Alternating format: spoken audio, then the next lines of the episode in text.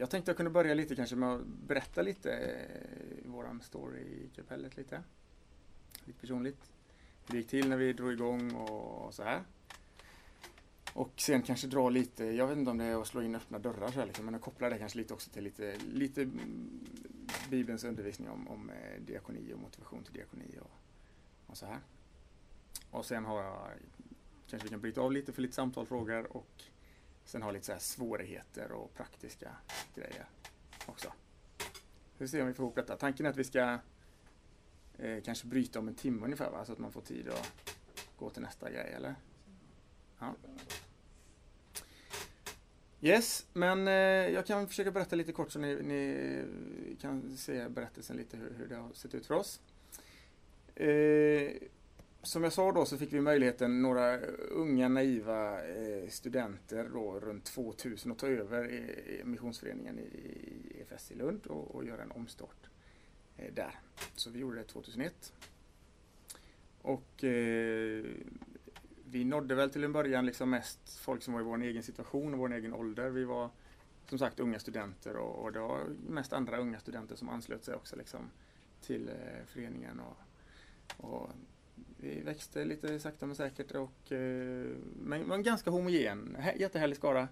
Eh, men ganska homogen skara, mest studenter som sagt. Unga studenter. Och eh, ja, åren gick och vi växte lite mer. Vi körde alfa och gudstjänster och hemgrupper och så här. Och parallellt med mina teologi, jag läste teologi då också. Jag har läst också lite biologi, men eh, jag läste huvudsakligen teologi. Och eh, parallellt med mina studier så extra jobbar jag lite grann också på i socialtjänsten i kommunen. Stödboenden för missbrukare. Jag var på härberge för hemlösa och kyrkan har nattcafé för hemlösa, hade diakonicentralen i Lund och så här. Det var ett väldigt nyttigt komplement till teologistudierna att få vara ute och möta människor med en helt annan, annan bakgrund.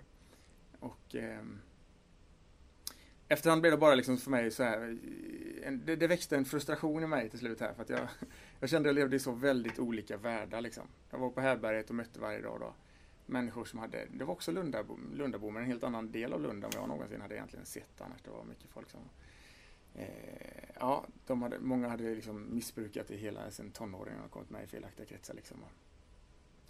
På olika sätt otroligt trasiga bakgrunder och trasiga familjeförhållanden bak i tiden och allting. Och det blev mer och mer frustrerande för mig på något sätt. Jag glömmer aldrig en dag liksom, det var en, en som på morgonen berättade om det var en som hade dött av en överdos. Liksom. Där hade jag bara jobbat där ett tag. Och, eh, ja, då var han borta rätt och det var liksom. Och det var väldigt många som, som rätt och bara dog av överdoser. Och människor som inte så många andra visste om som levde sitt liv lite i det tysta. Och, och, den här, ja, så jag blev mer och mer frustrerad liksom att jag kände, jag levde i olika världar. Kyrkan har vi en väldigt trygg värld här med, med ganska, vår gemenskap var mycket från en stabil och trygg bakgrund liksom. Och så fanns det sånt oerhört annorlunda eh, liv så nära liksom, och de här världarna möttes inte riktigt. Jag glömmer aldrig, vi var på en församlingshelg en gång och vi, hade, vi talade om det kristna hoppet. Var de med en kvinna, hade kommit med en kvinna den här helgen. På något, jag minns inte hur hon kom med, alltså, men att hon, hon, hängde med i alla fall och eh, ja, hade en helt annan bakgrund än de flesta av oss andra. Och, jag vet inte om det var jag eller min kollega som predikade om, om eh, det kristna hoppet och efter predikan så kom hon i alla fall fram och bara spände ögonen i mig så här och så, och så bara tittade riktigt argt på mig. Så, här. Menar du vad ni säger i den här kyrkan? Frågan så här. Är det sant att du menar vad ni säger i den här kyrkan? Menar du verkligen att det finns hopp? Eh, också för mig och mina vänner som lever på gatan som fast i missbruk. Menar, menar ni verkligen vad ni säger i den här kyrkan? Annars kan ni inte säga det för jag orkar inte bli besviken en gång till.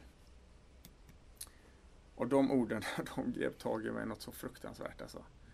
Eh, menar ni vad ni säger i den här kyrkan? Och vad hon ropar liksom, det var ju en fråga liksom, finns, Alltså finns ni där också för mig? Liksom? Eh, menar ni vad ni säger? Finns ni där också för mig? Så det grep tag i mig eh, oerhört starkt. Och jag, jag tänker att det, det, är ett rop som finns i Bibeln. Jag tänker att det är Guds rop också till kyrkan och, och till den kristna gemenskapen, vilken var, var vi än eh, befinner oss i för sammanhang någonstans. Liksom, att, att den frågan finns vi där för de, de minsta och de som är i nöd och är i utanförskap på olika sätt. Liksom. Och jag vet inte om jag slår in öppna dörrar om jag går igenom lite så här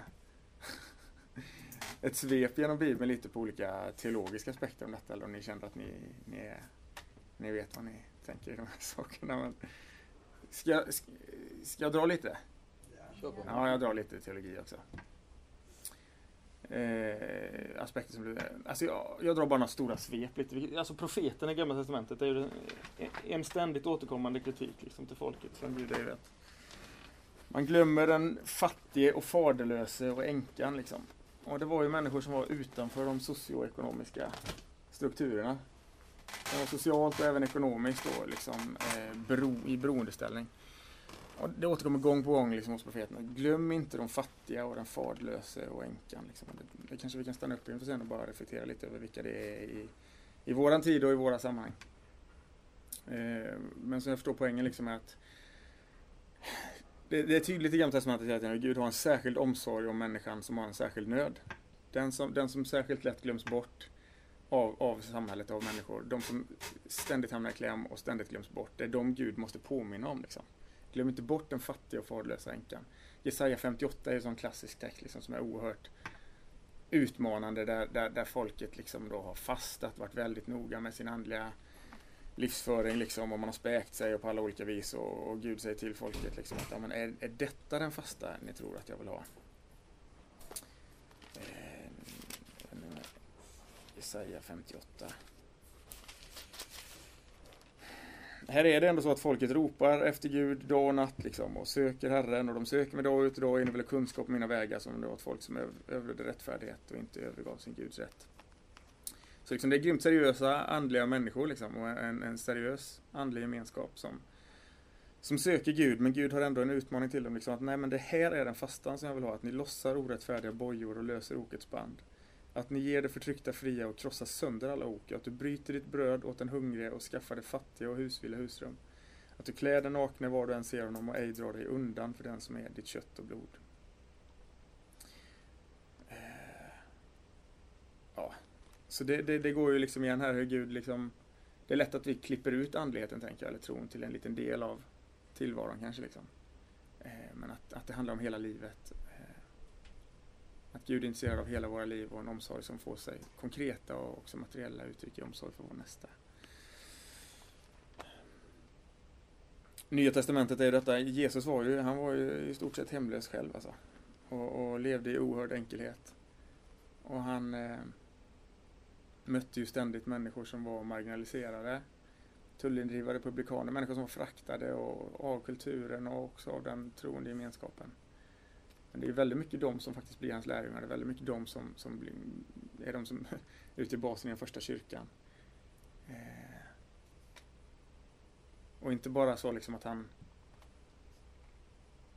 förbarmar sig med lite, skänker lite pengar åt dem. Han, han bjuder in, han delar sitt liv med dem också. Han, han, han eh, bjuder in dem i apostolatet liksom och, och eh, i lärjungakretsen. Och han delar verkligen sitt liv med, med de som var utanför i den tiden. Så det är en oerhört utmanande livsstil att verkligen se och leva nära människor i, i utsatta situationer.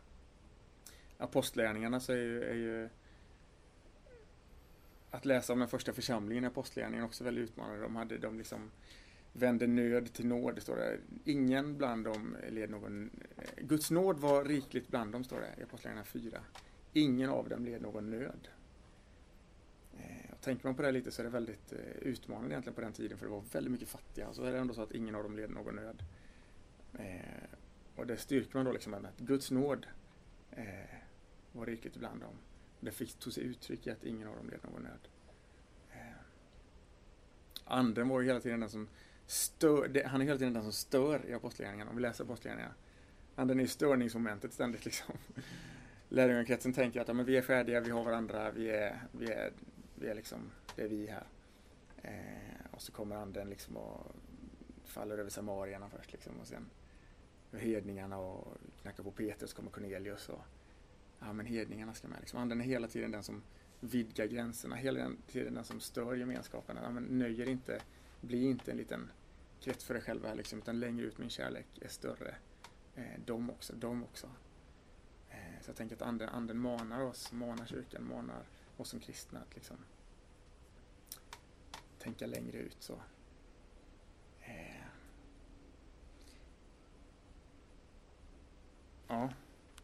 och breven, man kan säga, det blir lite ne korta nedslag här bara. Jag tänker, men det, samtidigt är det liksom inte bara heller man kan få det lätt, okej, okay, det, det, blir som en pekpinne så här, Gud säger till ni ska ut, ni ska ut till de fattiga. Så här, liksom. ni, ska, ni ska vara snälla. det är lätt att det blir ändå en, en liten plikt så här, som är så här lagom rolig bland alla andra krav som vi har. Liksom. Eh, men ser vi i Nya Testamentet och ser vi, så ser vi att det är, det är liksom en konsekvens av Guds nåd. Det är evangeliet som, som driver. Liksom. Eh, vi kan se det i Andra Korintierbrevet till exempel. 8. Här är det Paulus argumenterar till korintierna, för, nu ska han samla in en stor insamling till, eh, till Jerusalemsförsamlingen som var i stor fattigdom. Så Paulus är runt och då manar de olika nya församlingarna att skänka, kom ihåg moderförsamlingen i Jerusalem, liksom de, de hade en oerhörd fattigdom där liksom, så han gör, gör en stor insamling. Kan vi se Andra Korinthierbrevet 8, vers 8 till, till 9 här. Jag ger inte någon befallning, säger han. Alltså han kommer inte med pekfinnen. Jag, jag pekar bara på de andras beredvillighet för att pröva om er kärlek är äkta. Ni känner ju vår Herres Jesu Kristi nåd, säger han. Så det, det, är liksom nåden som är startpunkten. Det är nåden som är drivkraften och motivationen för det här. För er skull blev han fattig, han som var rik. För att ni skulle bli rika genom hans fattigdom. Eh, så Paulus pekar på Jesu offer och Jesu eh, död och försoningsgärningen liksom och nåden. Att Jesus tömde sig på allt. Han blev fattig för vår skull för att vi ska bli rika. Eh, därför, då nu vi har tagit emot en sådan nåd, sådan nåd, hur skulle vi då annat än att kunna ge den vidare och, och gå vidare i samma, i samma mönster liksom av att offra av oss själva för att de andra ska bli rika. Så att säga.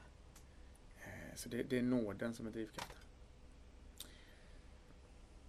Ja, man kunde prata mycket mer om det, men jag tror jag pausar där. Hur som helst, så, så, som, som jag ser det i alla fall, så är det väldigt tydligt att Gud ropar till oss. Och han ropar till mig genom den här kvinnan och på den här församlingsdagen. Att finns, finns ni där? Finns ni där eller inte? Och jag kanske säga, vi är båda, jag vet inte, de flesta kanske från ELM, jag är själv från Svenska kyrkan och EFS-sammanhang. Och våran tradition så att säga kanske av, av eh, i, i, kyrko, i kyrkan så att säga. Eller betonar mycket ordet och evangeliet och det är någonting vi verkligen ska vara stolta och frimodiga över och verkligen eh, förvalta. Eh, samtidigt om man tycker, jag tycker man kunna se också då bara en tragik om man ser tillbaka till 1800-talet och 1900-talet att det har blivit en liten så polarisering mellan typ konservativa och liberala. Att liberala, eh, de mer liberala kyrkorna kanske har betonat liksom att ja, men, man har reducerat evangeliet till att bara bli en social etik. Eh, fanns stora teologer på början på 1900-talet som, ja men Jesu lära är egentligen var snäll mot andra, punkt. Liksom. Kyrkans uppgift är enbart att man försöker göra gott i världen, precis som, har egentligen inget annat. Men ja, det är, och de mer konservativa sammanhangen istället då, nej men nej, det är inte, evangeliet det handlar om evigheten liksom och det, det är Guds ords förkunnelse och förkunnelsen av evangeliet liksom, att vi alla behöver Jesus. Och, som har betonat och värnat ordet. Liksom. Och så har de här fått stå ibland eh, emot varandra. Och det har ibland kanske funnits en, en misstro från liberala håll mot, mot evangelisation och mission och så här. Och från mer konservativa håll kanske ibland en misstro mot, mot eh, socialt arbete och, och diakoni. Att ja, men det är inget som kyrkan ska hålla på med. Så här. Men det är bara viktigt att se från våra sammanhang tror jag, att, det, att det är verkligen Gud ropar till oss liksom, att evangeliet måste vara förkroppsligas i handling och, och Guds särskilda omsorg om den människa som är i särskild nöd. Och att det är en konsekvens av det. Det, det, det, det är en konsekvens av evangeliet. Liksom. Eh, har vi tagit till oss nåden så måste det få de konsekvenserna. John Stott talar om det också, liksom, om kyrkans uppdrag som både evangelisation och, och diakoni. Och det är inte heller bara ett självändamål, liksom, att eh, vi ska försöka vara lite snälla för att men vi ska få fler medlemmar till kyrkan och så här, liksom, utan det, det, är verkligen Guds vilja och Guds goda vilja för skapelsen som, som är självändamål båda liksom, och som samtidigt hänger ihop. Mm. Okej. Okay. Har ni några frågor eller tankar utifrån det jag har sagt nu eller ska vi gå tillbaka till storyn lite? Några reflektioner om, om, om den. Det blir en snabb genomgång av diakonal teologi. Eh.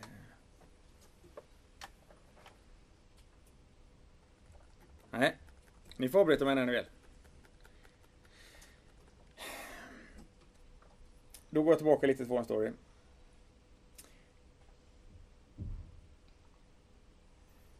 Den här frustrationen växte mer och mer då. Eh, och längtan. Men tidigare, det var, vi sänget så här bara direkt så att det, bara sätta igång någonting på stört så. Men det blev på olika sätt så att Gud sände människor. Det kom fler och fler till, till kapellet som bar på den här längtan. Fler och fler kom till mig och uttryckte att ja men jag, åh, jag skulle så gärna vilja göra någonting liksom för någonting diakonalt eller något mer socialt. Till slut så var vi eh, en handfull människor i alla fall, ett, lite drygt, som, som alla bar på samma längtan verkligen. Och vi upplevde på olika sätt, ja men nu, nu är det verkligen, nu har Gud lagt samman så mycket, nu, nu är det dags, nu måste vi försöka göra någonting. Så jag, snackade med Anders som då var ansvarig liksom, att ja, vi måste försöka eh, samla de här människorna och försöka göra någonting. Och, ja, visst. Så jag bjöd hem alla hem till mig, vi satt hemma i lägenheten där i Lund en kväll och bad tillsammans och, och, vi helt enkelt bara gick laget runt och bara delade och lyssnade på varandra vad Gud hade lagt på hjärtat. Vad var det vi längtade efter? Så. Eh, vi delade våra drömmar. och eh, det var inga storsvulstna grejer men att det fanns en stor längtan då. Vi enades till slut att det fanns en gemensam längtan utifrån den här lilla samlingen. Att vi skulle vilja på något sätt då, vi skulle vilja börja med att göra något. Det var på hösten tror jag det här, så det var vi skulle vilja börja med att öppna upp kyrkan helt enkelt bara och, och, och bjuda på mat och gemenskap. Och då skulle vi börja med detta på jul. Vi fick en idé att göra, börja på julafton, testa en grej på julaftonskväll. Då fanns det nämligen, jag hade ju jobbat, jag visste lite vad som fanns både i kyrkans diakoni och, och i kommunen och så jag kände mycket folk och hur det funkar i stan och vad som fanns och inte. Och jag visste att det finns i alla fall ingenting öppet på kvällen. Diakonicentralen hade då lite på dagen som kom mycket folk. Sen. Det fanns inget på kvällen. Tänkte jag, ja, men vi vill börja med detta på kvällen. Eh, sen, sen, hade vi också lite så här, någon längtade efter att köra igång en besöksgrupp för äldre och någon hade en vision om att, att erbjuda stöd till ensamstående föräldrar, lite barnpassning till ensamstående föräldrar som hade det svårt och så här.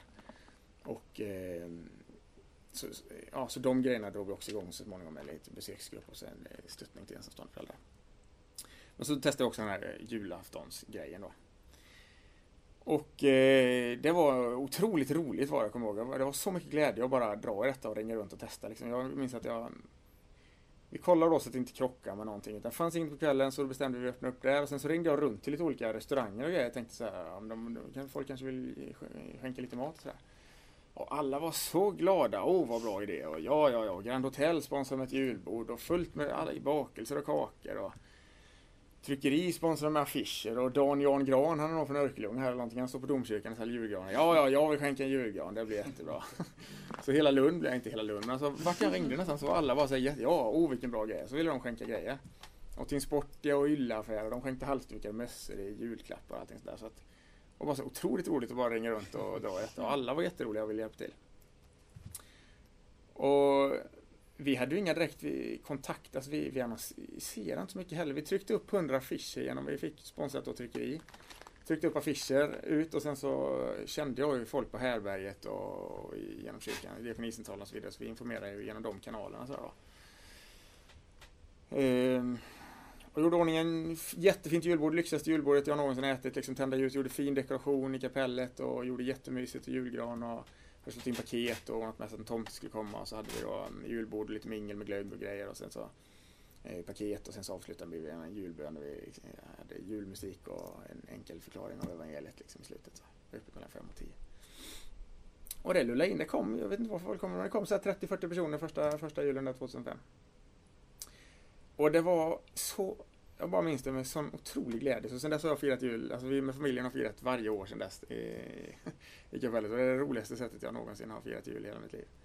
Då, var, då kom det då, kom ett gäng hemlösa och några invandrarungdomar och några gamla tanter och några familj, invandrarfamiljer. Och någon ensam eh, professor liksom och några gamla akademiker som blev lite ensamma. Lite studenter. Alltså då, det var världens blandning med folk. Då, alltså totalt spretig samling som satt där och firade jul tillsammans då och pratade med varandra. Människor som aldrig har träffats innan liksom. Så det var, och så var det några familjer då från kapellet. Så, här, så. Och efteråt var det en man, eh, inte missbrukad så, men, liksom en, man märkte att han var ensam, så här, typ 60. Kom fram till mig efteråt och bara tackade nästan med tårar i ögonen. Att, det, det, här var den, titta i mig och bara, det här, det här var den bästa kvällen i mitt liv, sa han. jag tänkte bara, kunde en sån liten grej göra så mycket liksom, så att han kan säga att det är den bästa kvällen i. Så det gav verkligen sån, oh, det var otroligt kul framförallt. Oerhört roligt var det. och gav en sån jättemersmak. Så att då bestämde vi att ah, men det här måste vi spinna vidare på på något sätt. Så att vi, då startade vi det vi kallar för Öppen kyrka. Det är lite inspirerat från, de har kört det i Malmö. Om ni känner till Stina Backlund, EFS Betania i Malmö. Och så Klara kyrka har ju kanske lite liknande grejer. Och Alltså oerhört enkelt, lite som julafton fast jättemycket enklare. Varje måndagkväll då, då finns det inte heller, alltså Diakonicentralen hade öppet på dagarna och då var det mycket folk som var där. Men det fanns ingenting på kvällstid och så här, så då, då körde vi på måndag kväll mellan fem och sju. Då lagade vi en enkel måltid. Bjöd på den och så var det mat, gemenskap och så avslutade vi efter en och en halv timme, en timme, en kvart eller någonting så har vi en enkel eh, andakt hade vi börjat. Nu har vi en enkel mässa efteråt. Eh, så. så jätteenkelt upplägg, inga konstigheter. Men det kom direkt ändå, jag vet inte var de kom, men det kom en så här, ganska snabbt ett gäng på 20 personer som ofta kom. Och kom det fler och fler. Och, alltså, vi varierar kanske mellan 30 och 50 personer. Lisa, du har ju varit eh, engagerad i detta också. Nu. Mm. Och eh, ganska snabbt fick vi ändå kanske kontakt med runt en 200 olika personer eller någonting sånt. Fast alla var inte alla där samtidigt liksom, utan snitt på kanske 20, 30, 40 i början. Så att eh, direkt så var det i alla fall så, för vår situation så var det en helt ny målgrupp egentligen, människor i helt andra livssituationer som vi aldrig hade haft kontakt med innan kyrkan som, som väldigt snabbt eh, hittade ett hem i kyrkan. Så. så det var väldigt spännande hur det väldigt snabbt genom den grejen öppnade upp sig kontakter som vi absolut inte hade haft innan. Och eh, ja, så det har vi fortsatt med. Så det, det är någonting vi har eh, kontinuerligt, öppen kyrka. Och det är väl stommen i vår diakoni och det, det är inga konstigheter egentligen. det, det, är så oerhört enkelt men sam, det stora är det, det, det blir också då en, en mötesplats. Liksom. Du har varit engagerad Lisa, kan berätta mycket. Och liksom, det blir många från församlingen som kommer dit och kan sitta och äta. Och det är liksom det här. Det är det här spretiga just att man kan sitta och man sitter där med hemlösa och professorn och, och käkar lite kvällsmat och snackar om livet. Och eh, det blir en väldigt prestigelös gemenskap så det är inte så mycket masker och så, många uppfattar det som eh, rätt gött att komma dit, liksom, att det är avslappnat av dem. att man kan känna här får man komma som man är och, och eh, så. Så har vi mässan efteråt då, för den som vill stanna kvar. Så det, det, är huvudgrejen i vad vi gör och julafton då, nu var, i, nu var vi nog 120 personer på julafton i, i julas. Alltså, så det, det, har bara vuxit också. Och är en årlig höjdpunkt verkligen att fira jul ihop där. Fortfarande lika lätt att få sponsra? Ja, det, ja men det är det. I år var det faktiskt lite i år blev det ett litet missförstånd, det var lite kris där för Grand Hotel, först fick vi från många olika. Men sen i flera år nu så har Grand Hotel sponsrat med hela, så vi har fått världens, alltså de, de har lagat då liksom från scratch, julbord till över alltså 200 personer. Mm. Och stått för hela alltet då, så då har vi liksom trappat ner, inte brytt oss om och smådutta med de andra grejerna. Men nu har de bytt ägare så att nu har de, mm. i år var det lite så här, kvällen innan så satt vi där och och nej, räcker detta? Liksom? så vi bad en bön och sen så ringde vi en restaurang till och då sa ja det är lugnt, så hade han massa grejer så vi fixade det. Det blev massa över ändå. Är det fortfarande lika spretigt? Eller är det någon grupp som har blivit mer? Ja, ja men det är julafton är extremt spretigt. Och eh, så, så det, det, är liksom eh, ett bra gäng av hemlösa och missbrukare och många ensamma. Ja, nej, men det är verkligen alla, alla kategorier egentligen. Och eh, Sen har det varierat lite grann så här mycket. Det, det har varit lite så här eh, olika under åren med eh, på måndagarna och i öppen kyrka. Ibland när vi har fått in någon stabil, eh, kanske då någon som har missbrukarbakgrund och så vidare, då har de ofta dragit med sig ett gäng då, så vi har haft ett kontinuerligt mycket med den bakgrunden. Liksom. Sen i perioder har det varit mindre. Och, men framförallt är det mycket människor som är har mycket tid. Så. Långtidssjukskrivna, långtidsarbetslösa, ensamma människor på olika sätt. Eh, eh. Så det, det finns, alltså ensamheten är nog vår tids största sociala problem. Ska jag säga. Det är så, vi lever i ett så oerhört individualistiskt samhälle där vi har gjort oss oberoende av allt och alla. Liksom, och det, det är inte bara pensionärer utan det, det är även liksom egentligen vissa forskning att det är åldrarna 20, det är våra åldrar egentligen faktiskt, i åldrarna 20 till 35 som ensamheten Eh, är jobbigast och eh, upplevs som ett väldigt stort problem också. Eh, men naturligtvis i alla, i alla åldrar. Men det finns en väldigt stor osynlig kategori människor som kanske bara sitter hemma i lägenheten och aldrig kommer ut och inte har något riktigt sammanhang. Liksom. Som, som har fått känna att det här får bli ett hem och en mötesplats. Så, Sen hade vi, ja så detta är, ja så hade vi en besöksgrupp och grejer och varit ute på stan har vi varit i perioden nu. Det har vi inte gjort på ett tag nu men det hoppas vi kunna dra igång i, i, i höst igen. Eh, ett gäng nu som med frivilliga som verkligen brinner för detta så vi hoppas verkligen kan dra igång det och gå ut på stan och ge lite kaffe och bullar och snacka med folk och så här. Få i, i kombination med det. Eh, sen en liten grej som har vuxit fram som, som, som eh, det har också gått lite upp och ner så här, hur, hur eh, det har varit i kapellet men det, det, är nog den enskilda grejen som kanske har fått, fått betyda mest för enskilda människor ändå. Det, det var en idé som kom ifrån en man eh, som, som det kommer inte från oss själva egentligen. Det var en, han kom med tidigt i Öppen kyrka. Han har varit hemlös hela sitt liv. Han var typ 50 år och missbrukat sedan han var 12-13 år. Och han, hade fått möta, han var nära att dö av en överdos på en toalett. Och, och livet höll på att rinna, ut, rinna ur honom. Och då får han se Jesus liksom ställa sig där och sträcka ut. Han var inte kristen.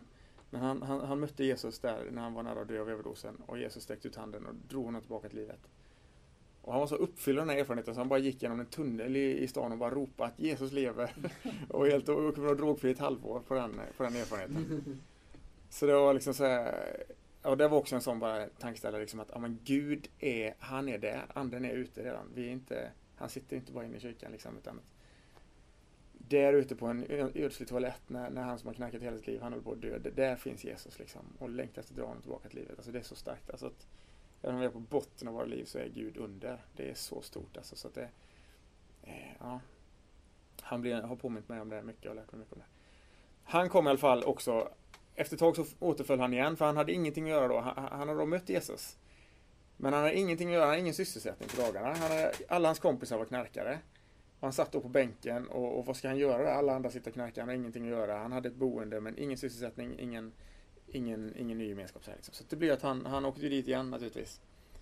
Eh, och då var det ett gäng från kyrkan som var, var ute på stan, hade träffat honom och, och börjat snacka med honom och bjudit med honom typ till en kyrka. Och det var precis i början vi hade dragit igång. Och han kommer in och känner bara, här känner jag mig hemma, här vill jag vara. Direkt så, här, här trivs jag. Ja.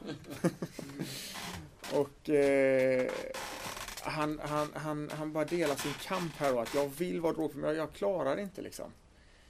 Och han frågar sig, kan inte jag få vara hos er? Kan inte jag, få, jag, jag behöver mer än två timmar. Kan inte jag få vara hos er här och eh, hjälpa till i trädgården eller någonting så här. Och vi bara, ja, ja, ja visst Conny, det kan du få.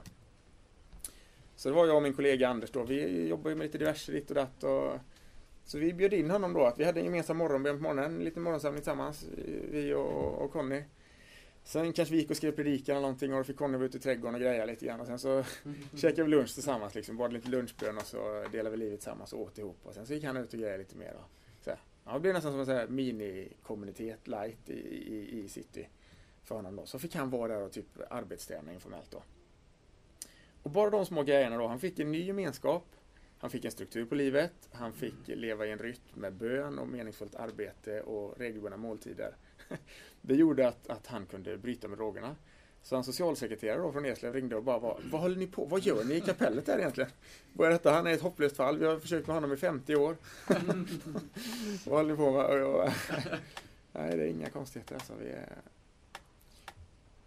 Sen låter det som att allting är bara fantastiskt. Alltså, sen, så, allting är inte alltid så enkelt heller. Liksom. Men det, det, är ändå stort att så lite kunde hjälpa honom att hålla borta från drogerna. Så det, det, var han som födde den här idén då liksom om att ha någon slags daglig arbetsträning eller daglig kommunitet i kapellet. Och det, det växte lite efterhand. Det kom fler och fler. Några som var långtidssjukskrivna, några som mådde lite psykiskt dåligt. Några med missbrukarbakgrund, lite olika. Och ett gäng var som mest tio personer samtidigt som, som delade någon slags så här spontankommunitet, i, eller arbetslaget har vi kallat det i kapellet. Så då hjälpte de till att driva eh, det diakonala, laga mat och städa och göra ordning i salen och grejer i trädgården. Det finns alltid mycket administrativt och olika grejer. Allt möjligt pil som finns att göra i en förening. Eh, och, eh, och, så delade vi en rytm av eh, bön, bibelläsning, bibelsamtal och måltidsgemenskap. Så. Och det har fått betyda, det var många som kom till tro under, av dem som som var med i det här också. Och flera har kunnat gå tillbaka till arbete och studier och, annat utifrån detta. Eh, ja. Sen har det gått upp och ner och nu är vi inte alls så många. Nu är vi bara eh, några stycken i det då, för vi har skickat vidare. Folk kunnat, och det är ju en glädje att folk har kunnat gå vidare ifrån detta. Liksom. Det är eh, en tanke också att slussa vidare. Ja, det var väl en kort story lite. Jag vet inte vad man ska säga mer om, eh, om vårt eh, arbete. Vi har ju också lite så akut eh, akut hjälp om man säger. Eh, man möter mycket, det finns mycket fattigdom faktiskt i våran tid också. Det är många som har det ekonomiskt eh, väldigt eh, tajt. Också om man är sjuk, blir sjuk, sjukskriven har kanske inte har så bra eh, vad heter det? försäkring och, och, och inte haft några höga löner kanske och så här, utan man kanske inte ens är, har jobbat upp en a-kassa eller så här. Det är många som har väldigt ekonomiskt tajt och, och där har vi fått vara med och bara ibland hjälpa familjer med mat och kunna stötta på olika sätt. Och sen är det lurigt så här, vi, vi försöker inte ge kontanter för att det Oftast är det, det kan också missbrukas av liksom, man kan ge kontanter till så går det till sprit eller droger eller så här, liksom. Men att det, det, är också något vi har försökt jobba med tillsammans som gemenskap. Att eh, om det finns ett särskilt behov behövs detta och detta. Jag har gjort en insamling. Någon gång var det någon som hade för första, någon missbrukare som äntligen fått ett eget boende, varit hemlös jättelänge, fått ett eget boende. Hade ju inte en pinal. Inte en Atrial hade. Och då, då samlade bara skickade ut ett mejl och frågade liksom, är det någon som har överblivna lite kastruller och dittan och dattan. Och rätt vad det var så hade han ju en hel lägenhetsmöblemang. och då fick alla vara med och känna att ja, okej, jag kan vara med och konkret. Eh, vad häftigt liksom. Det blev direkt kunde vi som gemenskap få med och vända nöd till nåd liksom, för en människa. Så det är ju ett väldigt roligt sätt att få hjälpa till på det viset också. Liksom, kunna försöka och hjälpas åt och, och, och ge vad man har. Och så här. Mm. Det här med barnpassning och besök av äldre, jobbar ni med det också nu? Eller? Ja, det, det, ligger tyvärr, eh, det är en som är igång och passar barn nu bara och, och det, det ligger tyvärr nere eh, i övrigt. Men hur har du, liksom, hur har ni gjort det? Eller ja. Här, det har vi gjort eh, då hade vi ledare som brann för detta då när vi drog i detta. Och ehm, då gjorde vi det mycket genom, dels hade vi, ja då hade vi någon ansvarig ledare, vi gav lite handledning och utbildning eh, och sen körde vi det tillsammans med Svenska kyrkan, hade, hade, hade kontakt med diakoner i Svenska kyrkan som visste väldigt mycket behov och sådär, så de kunde delegera en del kontakter. Och så hade vi en del kontakter genom kyrkans gemenskap och sådär bara med människor som ville ha besök och så vidare. Så försökte vi bara koppla ihop då villiga studenter och andra unga i församlingen som var sugna på att hjälpa till på något konkret sätt. Och så. så bara eh, administrerade ledaren ihop eh, behoven med villiga besökare. Så, och, och knöt upp kontakter. Och eh, likadant med ensamstående föräldrar också, att vi fick förfrågningar efterhand och det fanns folk i, i kyrkans gemenskap, även en del andra utifrån som fick kontakt med som, som skulle vilja ha detta. Och det är lite administration runt det krävs alltså polisutdrag och man måste ha lite koll på vilka det är som gör detta liksom och förhållningssätt med eh, sekretess och, och sådana här saker. Så man gör det lite, lite genomtänkt så men och det, det, har vi sett också. Lund är en sån stad där folk roterar hela tiden. Folk kommer och går där några år och det, det är på gott och ont. Det är något fantastiskt att vi får, eh, kommer många frivilliga. Vi bygger nästan, eller jag är ju anställd liksom och vi har någon mer anställd men annars bygger vi det mesta på frivilliga engagemang. Men det, det är en svårighet också liksom att eh, kontinuiteten kontra frivilliga engagemanget. Och, och det är viktigt att inte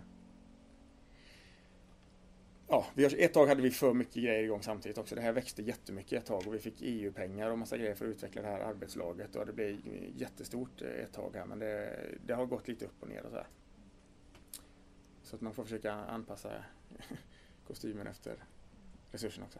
Det är svårt att driva ett projekt också om inte de som är engagerade för det finns kvar. Ja, precis. Precis. Precis, och det, och det är också så här, vad, vad, kan man göra, hur mycket, ska man gå, hur mycket kan man gå in i liksom?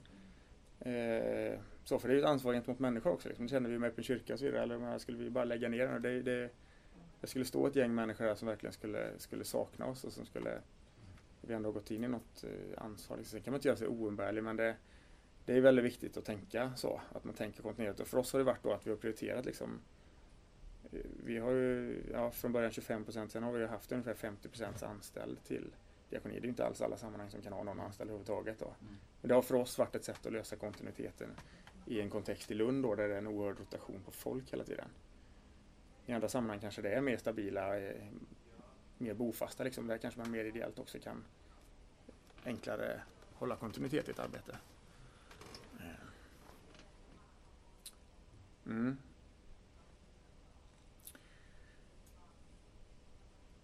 Ja. Har ni några frågor på detta mer, mer eh, runt historien här eller ska jag ta en? Inga frågor? Ja, men något som kan vara svårt ibland, men jag vet inte riktigt vad det är du tänkte ta nu. Jag tror det är mer prioriterat än mina frågor. Typ- Kör du. Ja, men jag tänkte, det kan vara rätt svårt ibland, att veta vad man ska prata med människor om. Ja. Som kommer från gatan ja. och som knarkar eller så, som inte har... Ja. Alltså, vi, vi är sådana, man är lite medelklassmänniskor. Ja.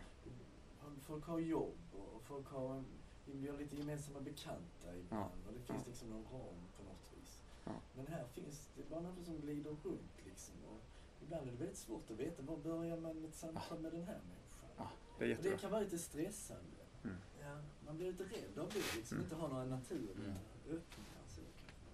Ja. Det finns ju men det är inte att hitta. Man kan inte fråga vad pluggar du eller? Ja men precis, det går liksom inte bara, okej, ja men tjena, var bor du någonstans då? Nej, jag har inget boende. Jaha, vad jobbar du med då? Jag är arbetslös. Ja, det klippt liksom. Alltså, Jag har börjat med vad har du gjort idag? Den funkar ganska bra. ja men det är ju lysande. Lisa har ju jättebra erfarenhet på detta ämne. Du är ju en klippa. Man är van så här, hej hur mår du? Bara, dåligt. Jag bara, just ja, det kan jag inte fråga. ja, vad- vad jobbar du? Nej, det jobbar till mig. Ja, det är ju verkligen det. Men sen så, efter ett tag, just det. Vad har du gjort idag? Det funkar Ja. ju. Och jag kan också säga vad jag har gjort idag så blir det ändå väldigt, Ja, ganska likt. Den gillar. Mm. Bra, men också på något vis kanske lite mer på samma nivå för att Mm. man, någonting har ju både jag och du gjort. Liksom. Mm. Precis. Och då ofta hittar man ju något, det finns massa intressanta saker att tala om jag på säga. De kan ju massa saker som inte jag vet. Eller Mm. ja, så. Då kan man fråga och lära sig jättemycket. Väldigt kul tycker jag. ja. Och det behöver inte alltid, alltså att bara finnas där. Man behöver inte alltid, det är en jättebra fråga. Man kan fråga liksom vad folk tycker om och så vidare. Men bara det, eller bara sit, det kan vara tyst med. Men att sitta där och dela gemenskapen med någon liksom och ofta efterhand så, så, så, så har de mycket att prata om och har, har mycket att... Eh, ja, det är ofta otroligt spännande att, att sitta och samtala. Så. Men det, det, det är en sån konkret grej som jag tänkte komma till sen lite också. Liksom, med det här med att vi har ju rädslor liksom för det okända. Och, och det är verkligen från, från eh, alla håll sådär. Eh, det, det, nu är, det är ju vår tanke med Kyrkan. Det, här, här, det blir en mötesplats liksom, det blir lite enklare. Det är inte alla som kan gå fram till någon hemlös kanske på stan eller så här, eller Det är inte så enkelt kanske alltid. Eller någon kommer till GP. Det är väldigt svårt så här. En del är mästare på att vara manipulativa och påstridiga och kanske påverkade. Och det kan vara skrämmande och så också liksom. Men här blir det en mötesplats man kan sitta ner ändå liksom. Så vi försöker peppa folk i, i kyrkan och gå dit och bara ta en Gå dit och käka liksom och så se vem det hamnar och försöka snacka. Så, så det, det är en utmaning och det är många som inte vågar det faktiskt. Men som har vågat efterhand och eh, upplevt det som en väldigt stor välsignelse att få göra det. Och komma dit. Och likadant är det många kanske som kommer jag glömmer aldrig, vi hade en riktigt stor, han har alltså varit o, en tungt kriminellt bakgrund, 150 kilos kille med tatueringar över hela kroppen, rakad. Och kommer riktigt skakad. Björn, jag vågar inte gå på söndagsgudstjänst. han hade kommit med på kyrkan då, han hade liksom upplevt att Gud hade befri, befriat honom från drogsug och han hade blivit kristen.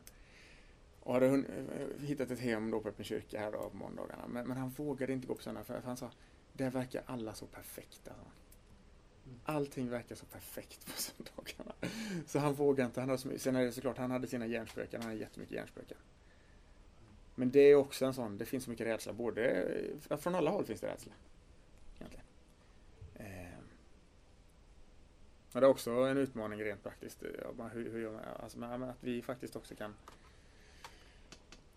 det är en övning för alla gemenskaper tror jag. Det är lätt att vi bygger upp fasader i våra gemenskaper och att vi helst håller fram våra styrkor liksom. Och att vi någonstans samlas mest runt våra gemensamma styrkor. Någon har sagt att man kan bygga en gemenskap runt en gemensam styrka eller runt en gemensam svaghet.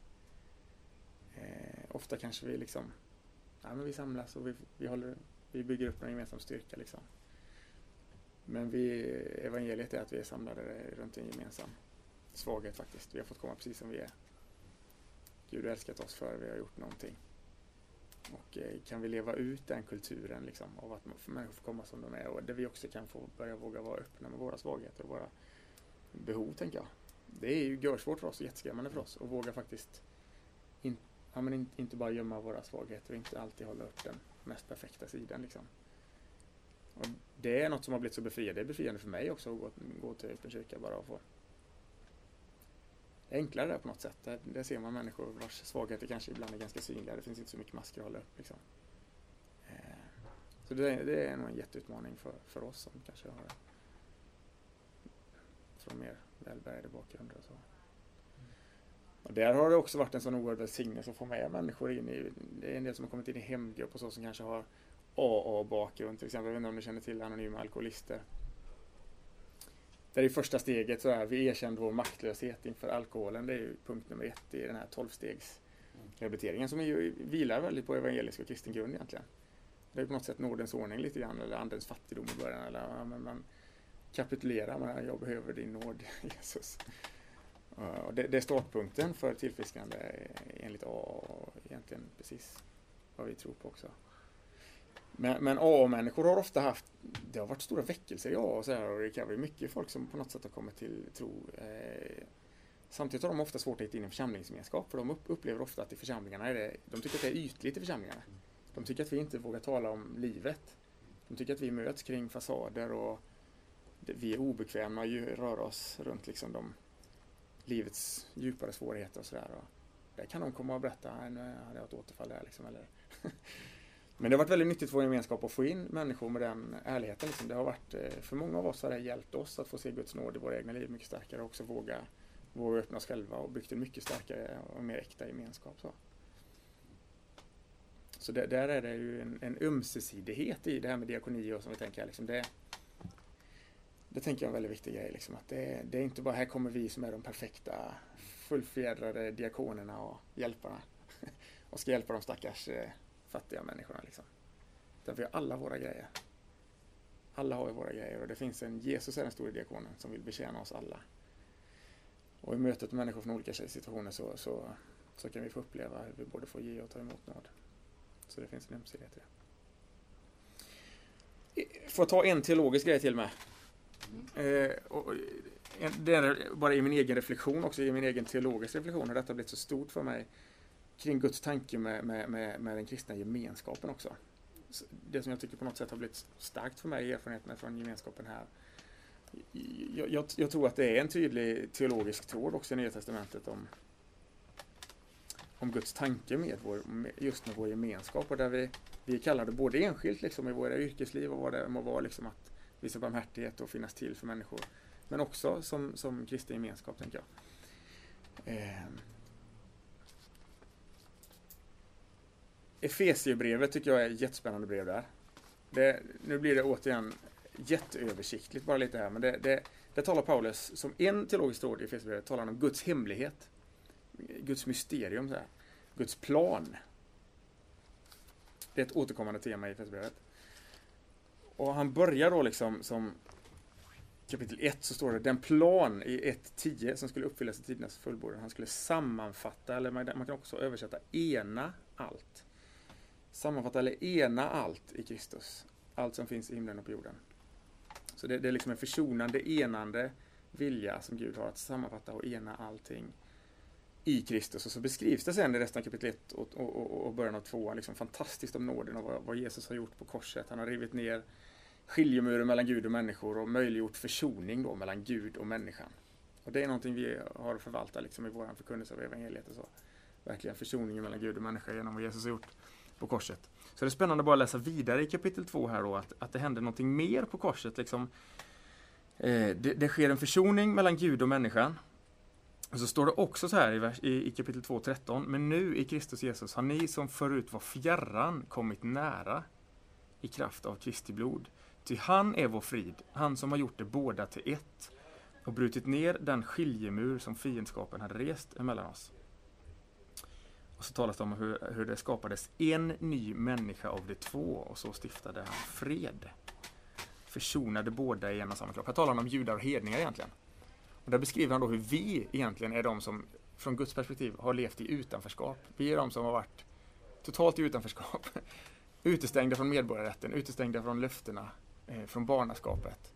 Men vi som förut var långt borta har kommit nära i kraft av Jesu blod och blivit tillhöriga i en ny kropp, en ny gemenskap, Eh, inympade i, i, i det judiska folket. Ett, ett Guds folk. Gud har, sam, har enat oss och dragit oss nära, vi som tidigare var i, i utanförskap. Det är någonting som sker i försoningen, det är någonting som Jesu död eh, åstadkommer. Eh, så, så, det är någonting som sker där, liksom enligt Paulus, att det, det skapas en ny människa, en ny kropp, alltså, alltså kyrkan, eh, kyrkans gemenskap.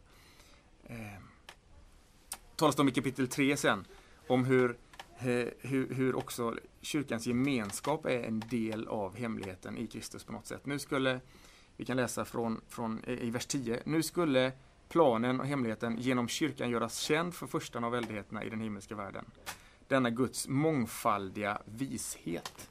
Jag kan säga. Här menar teologerna, som jag har läst i alla fall, liksom att det, dels talar de om evangeliets förkunnelse innan, men också menar kyrkan eller gemenskapen i sin existens. Att vi i vår gemenskap och i våra relationer är en förkunnelse och ett vittnesbörd om försoningen. Hänger ni med på vad jag tänker? Mm. Så att, att, att Ja, det är inte bara individer som är löst sammansatta för sakens skull eller någonting utan, utan det är också en del i Guds eh, plan och hemlighet från evighet att ena allting i Kristus. Att ena oss och att ena människor, försona människor och ena människor i en ny gemenskap där det tidigare rådde fiendskap, där nu skiljemurarna är nedbrutna det gestaltades väldigt tydligt i den första kyrkan där, där liksom greker och judar, de umgicks ju aldrig. Män och kvinnor, slavar, de umgicks kanske ibland liksom, men det var ju ändå, det är klart de gjorde på, på sitt sätt. slavar fria, greker, barbarer och allting. Och det, det, ni har, vet sådana citat, se hur de älskar varandra har man läst från kyrkohistorien. Hur de, plötsligt så såg man, va? Där sitter greken och juden och mannen och kvinnan och slaven och frien i, i samma hus och, och käkar bröd och bryr sig om varandra och, och tar emot nattvarden tillsammans. Så det var förkroppsligat. Försoningen blev förkroppsligad i den kristna gemenskapen. Guds plan och hemlighet av att ena allting förkroppsligades i, i den kristna gemenskapen. Grupper som tidigare var i fiendskap, åtskilda, var nu ett. Och det var ett oerhört starkt vittnesbörd. Jag tänker många teologer att det var en av de stora orsakerna till att kyrkan växte så mycket i början. Den radikala kärleken. Och någonstans tänker jag att det, det är lite grann i våran tid nu, så mycket människor, så mycket vi lever så individualistiska, så eh, ensamma i, i utanförskap och fiendskap på många sätt. Och samhället är i enormt behov av, vem, var, var ska han ta vägen den här Conny då som sitter och knarkat hela sitt liv och bara missbrukar kompisar? Var finns det en ny gemenskap för honom liksom? Var finns det eh, ett sätt, var finns det en tillhörighet? Ett akut socialt behov i vårt samhälle, i vår kultur. Och här tänker jag att liksom Guds huvudtanke med den kristna gemenskapen går precis rakt i, i handen på våran tids största eh, sociala behov egentligen. Så ju mer vi kan leva ut Guds tanke med, med den kristna gemenskapen så är det enorm sprängkraft egentligen för precis vad våran samhälle och vår kultur behöver. Eh, det var lite kul, var, vi blev inbjudna då när vi hade, det var några som blev drogfria, så vi blev inbjudna till socialchefen i Lund och bara, vad håller ni på med? Nej men det är inget vi är kyrka eller vi är en kristen gemenskap bara, vi har inga konstigheter. Berätta bara att vi bjöd in människor i att kunna vara där i det här med arbetslaget och så då. En liten gemenskap av olika. Ja, det är precis hand i handske vad Lund behöver. Och det, ja, det var lite kul bara liksom. Jag tror verkligen att Guds tanke med, med gemenskapen, och vi kan gestalta den här nådefulla, öppna eh, gemenskapen, när människor får komma som, som man är liksom, men samtidigt växa vidare. Så, så är det precis vad, vad som är rakt in i vår tids största sociala behov. Och kyrkan finns ju, alltså kristna, det finns ju kristna överallt. Nej, inte överallt, men, ja, men i stort sett över hela världen finns det kristna gemenskaper. Tänk vilken otrolig potential till förändring i hela världen om vi kunde ännu mer leva ut eh, den gemenskapen i våra samhällen. Så. Så det är väl min, så här, det är vad jag mycket brinner för i mitt hjärta och, och, och, det finns tusen sätt att engagera sig socialt och diakonalt och vi kan göra det politiskt liksom och genom strukturförändringar och i yrkesliv och utvecklingsprogram och så vidare. Och, jag har mest talat utifrån våra erfarenheter utifrån vad jag tänker som, som som, en, som vi kan göra som enskilda och som små sammanhang. Liksom. Då tror jag vi kan ha, leva ut en barmhärtighet, en akuthjälp och vi kan också försöka gestalta den här öppna gemenskapen. Mm. Nu är klockan halv fem och jag har babblat det mesta. Jag tänkte egentligen att ni skulle få prata med varandra lite så här om det är några särskilda så här vision, om det är någon särskild längtan ni har om det är några särskilda, vi har varit inne på det här med ensamheten, eller om det är, några, är det något annat ni ser som är typ den fattige, den faderlösa och änkan idag? Vi kanske kan ha bara en liten kort eh, snack om det. Är det någon som har några idéer om, om, om vilka är det i våran tid? Liksom? Finns det särskilt utsatta grupper i våran tid? Där ni bor? Invandrare? Ja. Jag har oerhörda problem att integrera.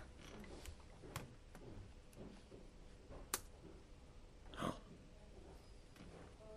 Det är ju detsamma egentligen som den här främlingen liksom. Ett återkommande tema. En annan? Jag slogs av på vägen i,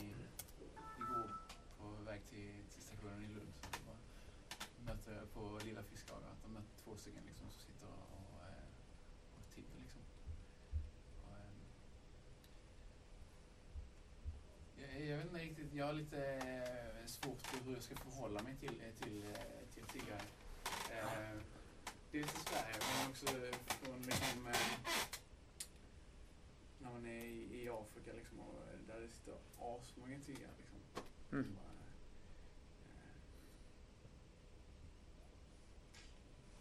eh, mm. Ja, jättebra. Vad, Jag kan känna igen mig i det. Eller jag känner igen mig. vad känner ni är problematiken?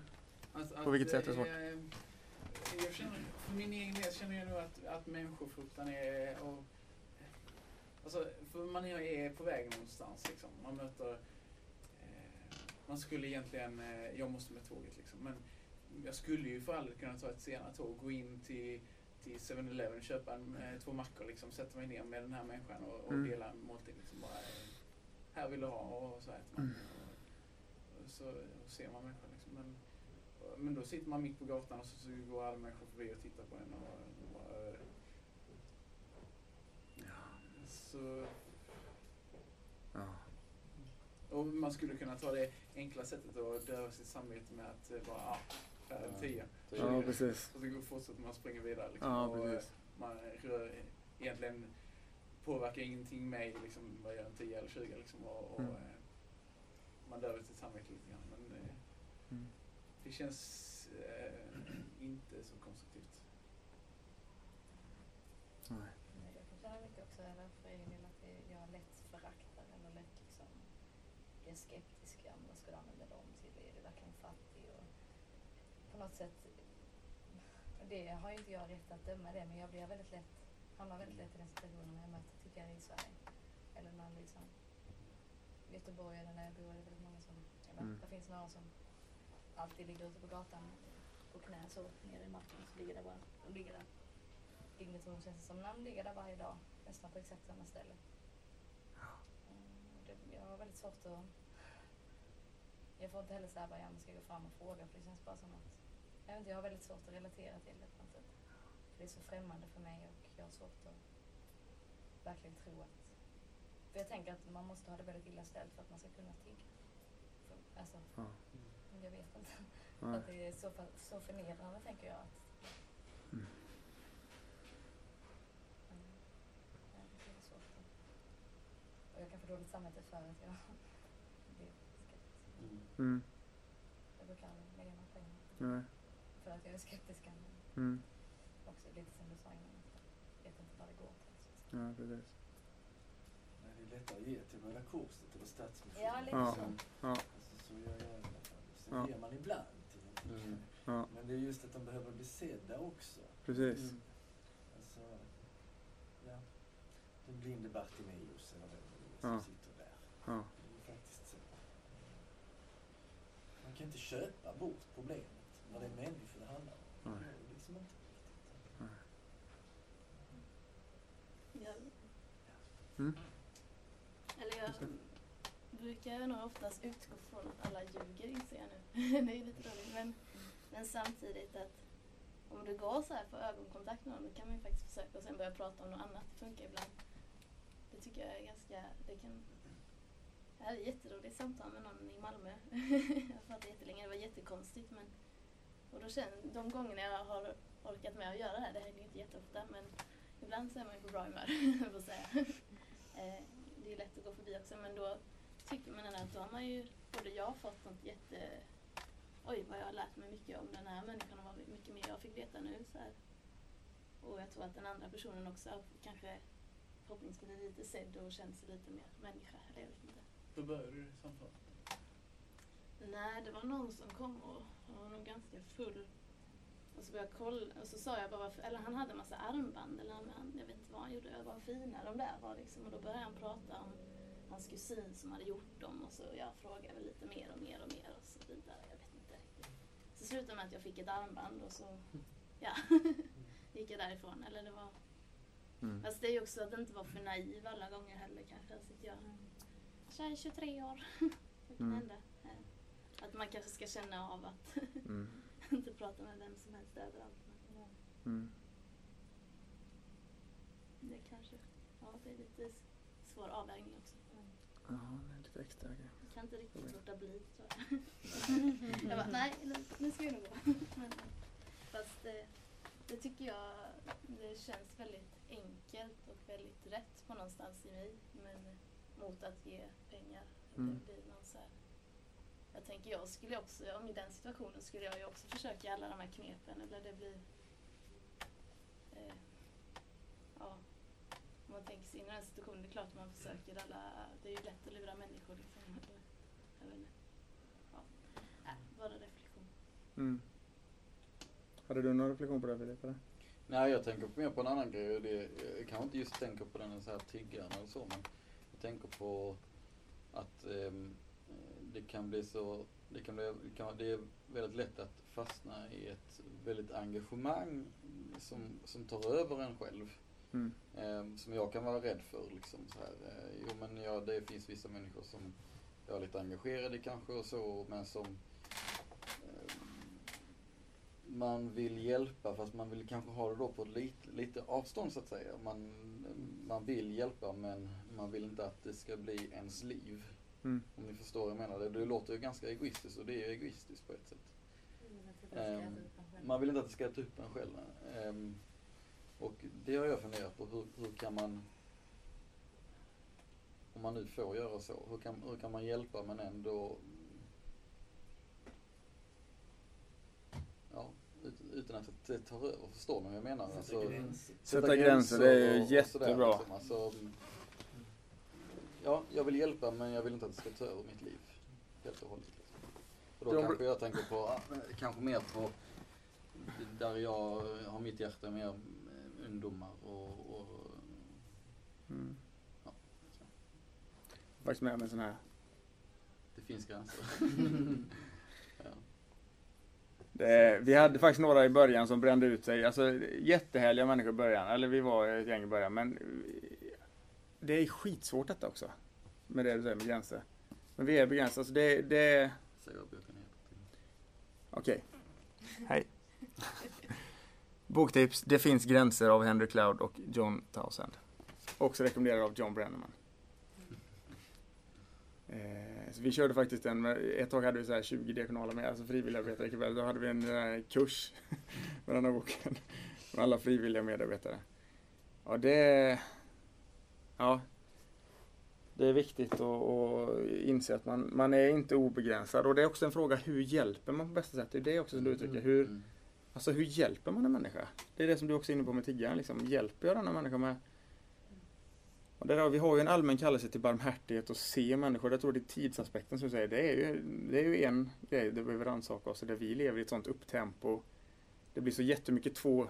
Ett, ett A-lag och ett B-lag i samhället. Alla som har häcken full och de som är eh, arbetslösa eller långtidssjukskrivna eller så här, och inte har någonting att göra. Och massa tid och så har vi ingen tid och så möts man inte. Eh, Så, så det tror jag är en jätteutmaning för hur kan vi kanske leva lite enklare så vi faktiskt kan frigöra lite mer tid till relationer och så. Det tror jag är en jätteutmaning.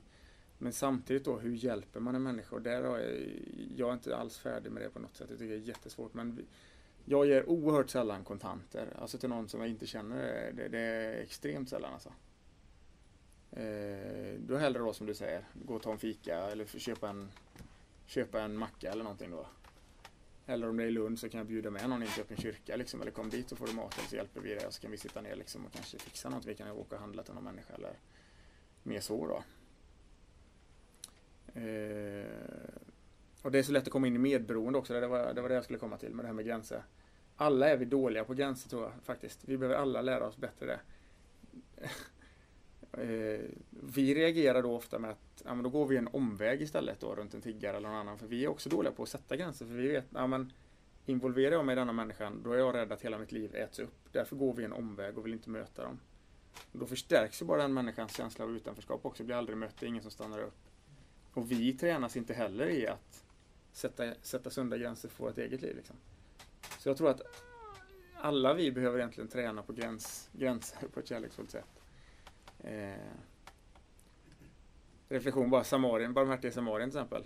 Samariten, eller Samarien. Där tänker vi ofta, så hör man predikan, alltså ska vi eh, hjälpa varandra. Liksom. Det är ju sant att vi ska göra. Men det är också så att han delegerar, han lämnar honom på värdshuset efter ett tag där också, och, och lämnar över också. Han gör också faktiskt en begränsad insats ändå.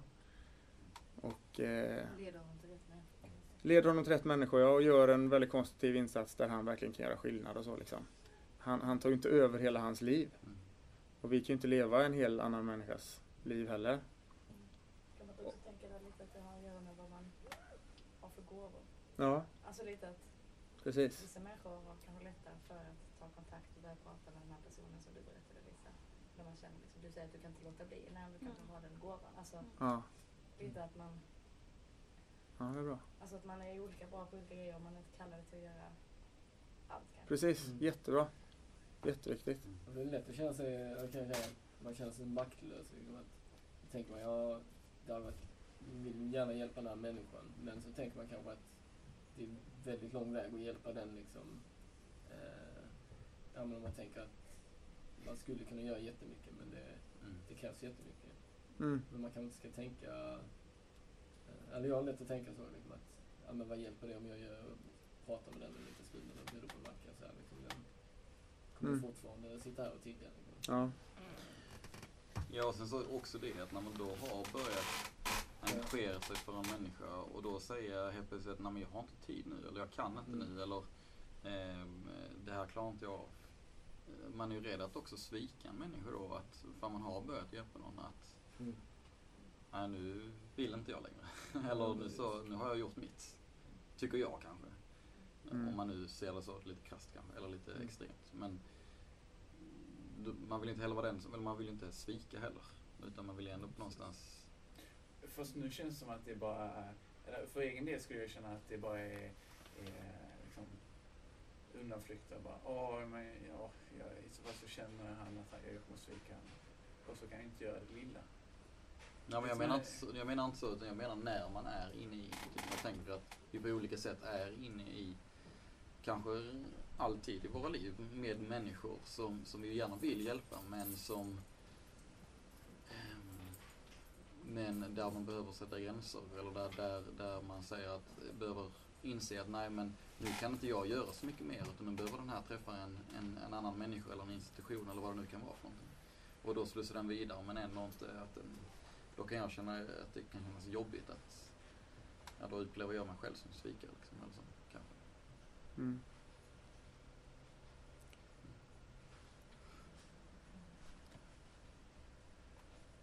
Det är alltid jobbigt att säga nej och man kan lätt få dåligt samvete om att säga nej men det är någonting vi behöver då hellre liksom vara och kommunicera tydligt och ärligt och säga detta kan jag ge, detta kan jag inte ge. Men alltså på något sätt liksom visa att man man bryr sig, man släpper inte ens om, alltså att, eh, att låta människor få känna sig sedd och älskad Mm. liksom. Men det behöver inte betyda att jag går in i allt liksom. Ja. Men hellre då kärleksfullt säga vad, jag, vad man kan ge och inte än att inte säga och dra sig undan. ja, precis. Har du någon mer tanke på den eh, grejen där? Ja, har ni andra frågor? Nu är det nästan dags att sluta här alltså. Jag bara tänker på när du, din, din fråga där, vilka som är den faderlösa änkan. Alltså den psykiska ohälsan är ju också väldigt Ja. stor. Ja, det, Alltså i Stockholm, jag vet inte. Folk går runt och pratar med sig själv. Det, är ju, ja. alltså, det, det slår ju när man kommer dit för många, det är som bara pratar med sig själv. Sätter man sig vid någon, Ja. sätter man sig vid centralen och äter en hamburgare så är risken är ju stor att det kommer någon och sätter sig där och pratar lite med en själv och lite, lite med mig och lite med sig själv. Ja. Alltså det är ju väldigt stort, Ja. det är väldigt utbrett. ja, det är det. Och även arbetslösheten, hur det bryter ner människor, Ja, ungdomar ja. som inte kommer in på marknaden. Det är förfärligt stressande att vara arbetslös. Man gör ingenting men man är kroniskt stressad. Liksom. Ja, ja, Det är ja. en fruktansvärt eh, svår situation faktiskt. Och lika, man vill inte heller vistas socialt för att man har inget att berätta, inget att säga. Man är ingen liksom. Mm. Ja, precis. Just för att ställt kultur... frågorna. Mm. Nej. De frågorna. Alltså det är jätte... Många vill komma med råd hur man ska göra och så. Mm. Jag har provat allt. Mm. Nej, det var bara en på en gång. Ja.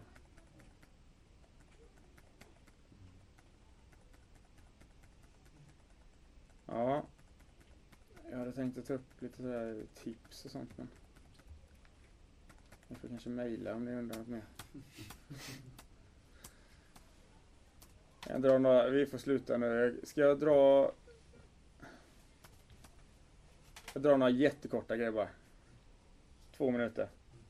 Motiv tänker jag är viktigt att tänka till på. Det finns många som är så här, vi har varit inne på kanske lite men Skilled helpers finns det någonting som kallas det är perfektionär, alltså vi är kanske alla skilled helper, jag är säkert en skilled helper också. Alltså någon som lätt går in i det. Men säkert en som har fått gåvor också att vara, finnas där och lyssna och så vidare.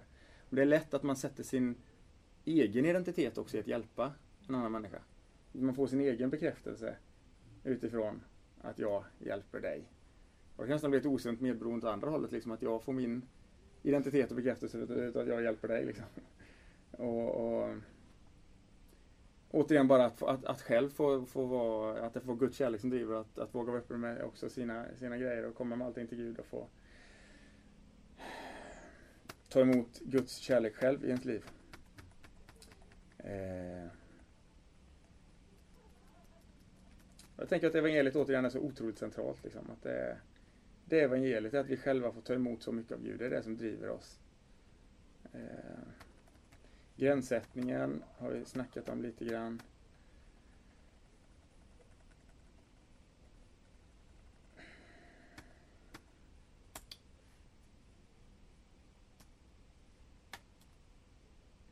Ömsesidigheten har vi också pratat om lite. Det har vi redan varit inne på, det gjorde vi innan.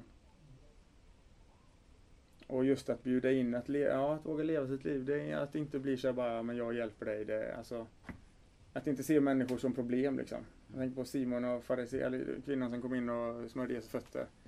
Farisén såg henne, det är ett problem, hon ska ut liksom. Men Jesus säger nej, det är... Du ska inte se människor som problem liksom. Utan vi alla har, vi alla har grejer. Och vi får komma med det till Gud. Så det finns en, en ömsesidighet och en glädje i, i diakonin, i vår gemenskap. Det är Jesus är diakonen. Eh, uthålligheten har jag varit inne på också.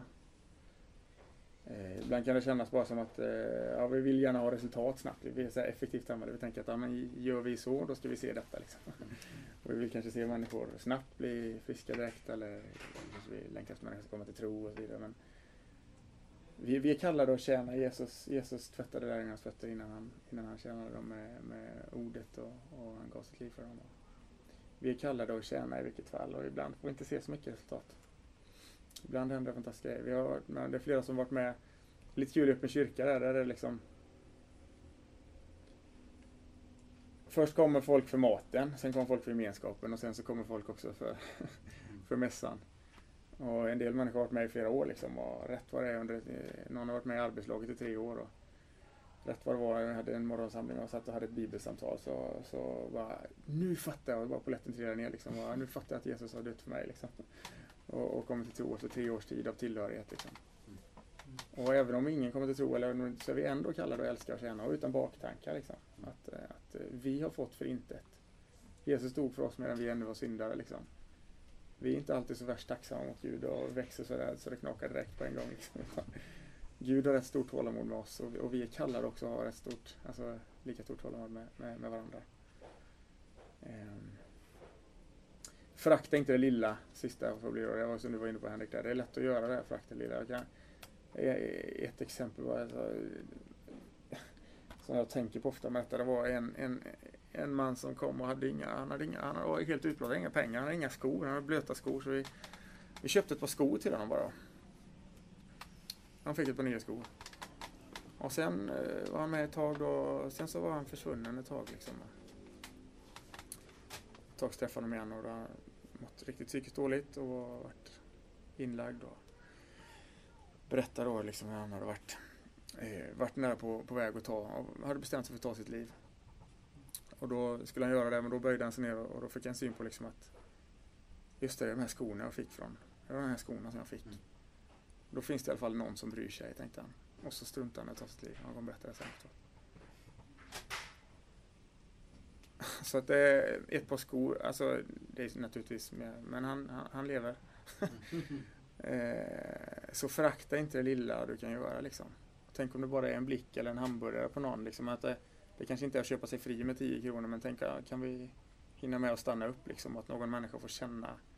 Det finns i alla fall någon som bryr sig. Om människor får känna det, det kan göra all skillnad. tänker jag. Ja, vi får, klockan är mycket, ni måste gå vidare nu. Men jättekul att jag fick komma hit. Tack så jättemycket. Jätteroligt att få träffa er. Heja på med allt vad ni tänker och längtar efter. Och våga gå på era längtan och era drömmar. Eh, så, ska vi be en bön tillsammans. Kära Jesus, vi tackar dig för att du är så underbart god. Vi tackar dig för att du har kallat oss till dig. Du har älskat oss innan vi eh, har gjort någonting, Gud. När vi som mest behövde det och som minst förtjänade så gav du ditt liv för oss. Tack för all den nåd vi får ta emot i våra egna liv. Tack för allt du gjort för oss, Herre. Tack för var och en här. Tack att vi som förut var långt borta har fått komma nära. Herre, nu ber vi dig helige Ande om att uppfylla var och en av oss mer och mer med din kärlek. Låt din nåd och din kärlek få bli mer och mer levande i våra hjärtan så att vi mer och mer får ditt hjärta eh, för människor. Herre, du ser hur kärlekslös jag ofta är. Hur eh, lätt att bli bekväm och på alla vis. Gud, du ser hur, hur, hur vi kämpar med de här grejerna. Vi ber att du gör din kärlek levande i våra hjärtan så vi finge leva ut lite mer av din kärlek och nå till människor. Ge oss din nåd och din nöd för människor runt omkring oss och för människor i utsatta situationer. Herre, väck vår längtan till liv. Tack för den längtan du lagt i, i människor här inne. Tack för den längtan som finns och som lett dem hit. Göd den längtan mer och mer med din Ande och, och, och tack att du vill vägleda var och en Gud, att ta de steg du kallar dem till. Att vi får gå i förberedda gärningar som det står. Du, du låter oss få gå i förberedda gärningar. Gör oss lyhörd varje dag för att gå in i de dörrar du öppnar för oss. Eh, och tack att det, du kallar oss att få vara med och göra skillnad för människor för ditt rike. Vi ger våra liv till dig Herre och vi ber om att vi skulle få leva våra liv och våra gemenskaper så att vi finge hjälpa fler och, och få beröras av din, din kärlek och din nåd Herre. Vi lägger oss själva allt vi är och har i dina goda händer i Jesu namn. Amen. Amen.